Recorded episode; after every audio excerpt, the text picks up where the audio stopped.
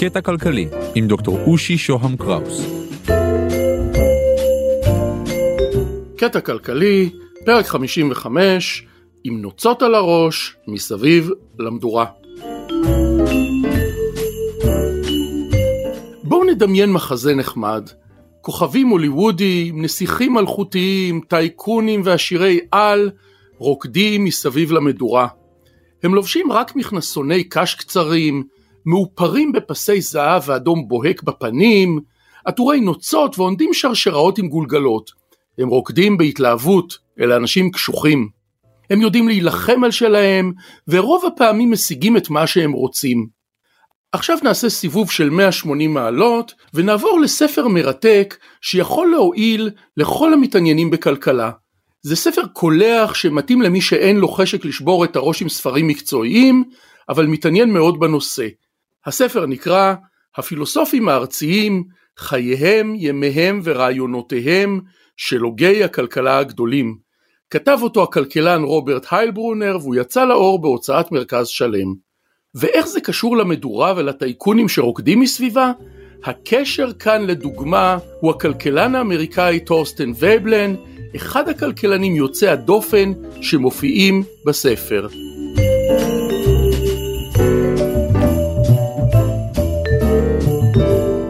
שלום, כאן דוקטור אושי שוהם קראוס.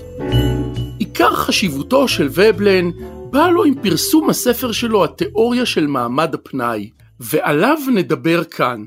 מעל פני השטח, הספר הזה היה פשוט תיאור עוקצני של סגנון החיים של האצילים והעשירים. והספר הזה אכן נוטף ארס, מה שהפך אותו לסנסציה. אבל התיאורים הססגוניים והעוקצניים לא היו העיקר. הייתה כאן אולי לראשונה בתולדות הכלכלה החדשה התייחסות אנתרופולוגית למעמד כלכלי ולתופעות כלכליות שקשורות לו, ויש שם בהחלט תיאוריה מרתקת. התזה של ובלן הייתה שאנשי מעמד הפנאי, העשירים והאצילים של פעם, מכריזים על העליונות שלהם באמצעות הוצאות כספיות ענקיות ומנופפים בכך שהם לא עושים כלום כדי להוציא את העיניים לאחרים וכדי לשדר עוצמה. לא חדש, נכון? ובלן היה כנראה הראשון שעמד על הדבר הזה. הוא מציץ על המציאות החברתית ורואה מציאות פתולוגית. מעניין אותו למה חברה אנושית בימיו בונה את עצמה כאשר בראשה עומד מעמד פנאי. כדי לענות על זה, ובלן יוצא לברר מי אנחנו, או ביתר דיוק, מיהו האדם הכלכלי. הוא רוצה להבין איך אנחנו מתנהגים ולמה אנחנו מתנהגים ככה. עכשיו, הכלכלנים הקלאסיים כמו אדם סמית האמינו שאנחנו רציונליים, יצורים תבוניים שמחפשים כל דרך הגיונית כדי להשיג כמה שיותר בשביל עצמנו. אבל ובלן לא רואה הרבה תבוניות בהתנהגות שלנו. להפך, הוא מסתכל עלינו ורואה את אבותינו הקדומים. אמנם אנחנו מתורבתים בעיני עצמנו, מתוחכמים ומשכילים, אבל מתחת לפני השטח, אוי לעיניים, טבע האדם, הטבע שלנו, ככה חושב ובלן, הוא עדיין פראי. את זה אפשר לראות אצל בני מעמד הפנאי וגם אצל כל האחרים. מעמד הפנאי, המעמד הגבוה במרכאות, נשאר בדיוק כמו שהיה בעבר. הוא מעמד שרוצה להשתלט על הטובין של החברה באופן דורסני ובלי לעבוד. השיטות השתנו וגם הדרך להתקבל למעמד הזה השתנתה. לא חייבים להיות בנים של דוכס.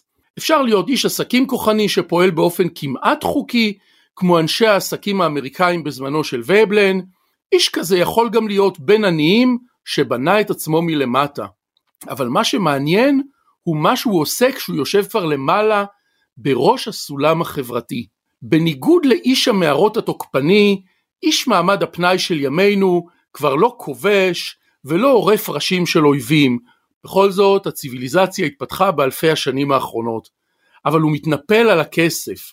הכסף החליף את כל שדות הכיבוש העתיקים, עבדים, פילגשים, רכוש.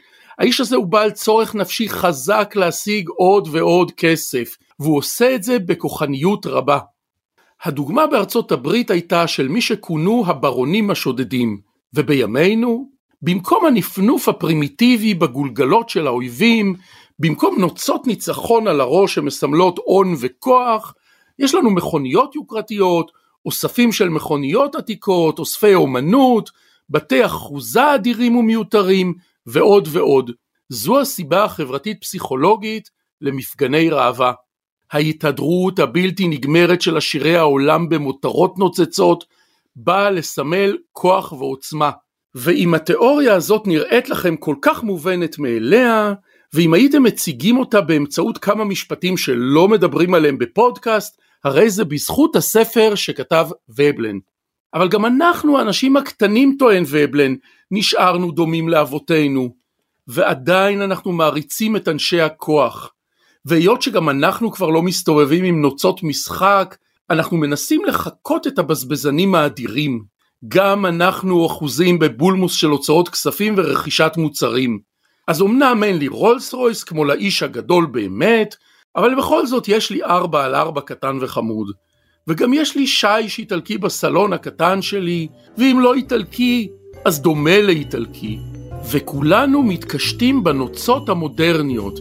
יש כאלה שהנוצות שלהם ענקיות, ויש כאלה שמסתפקים במשהו סמלי. ניפגש בפרק הבא.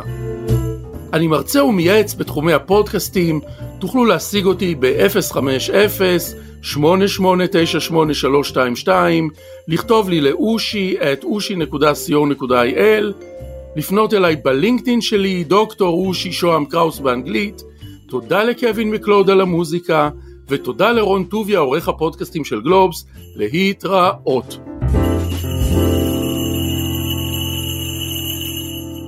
אדם שאין לו הון נזיל רב, לא הייתי מציע לו להשקיע חלק ניכר מכספו בספקולציה של הפשרות קרקע, הייתי מעדיף שהוא ישקיע בהשקעה יותר סולידית. היי, אני גיא ליברמן, והרגע שמעתם את עורך הדין חגי שבתאי, המתמחה בטיפול בקרקעות חקלאיות. פגשתי אותו בפודקאסט הנדל"ן של גלובס, כסף בקיר, שחוזר עכשיו בעונה שלישית ומרתקת במיוחד. חפשו אותנו, כסף בקיר, גלובס.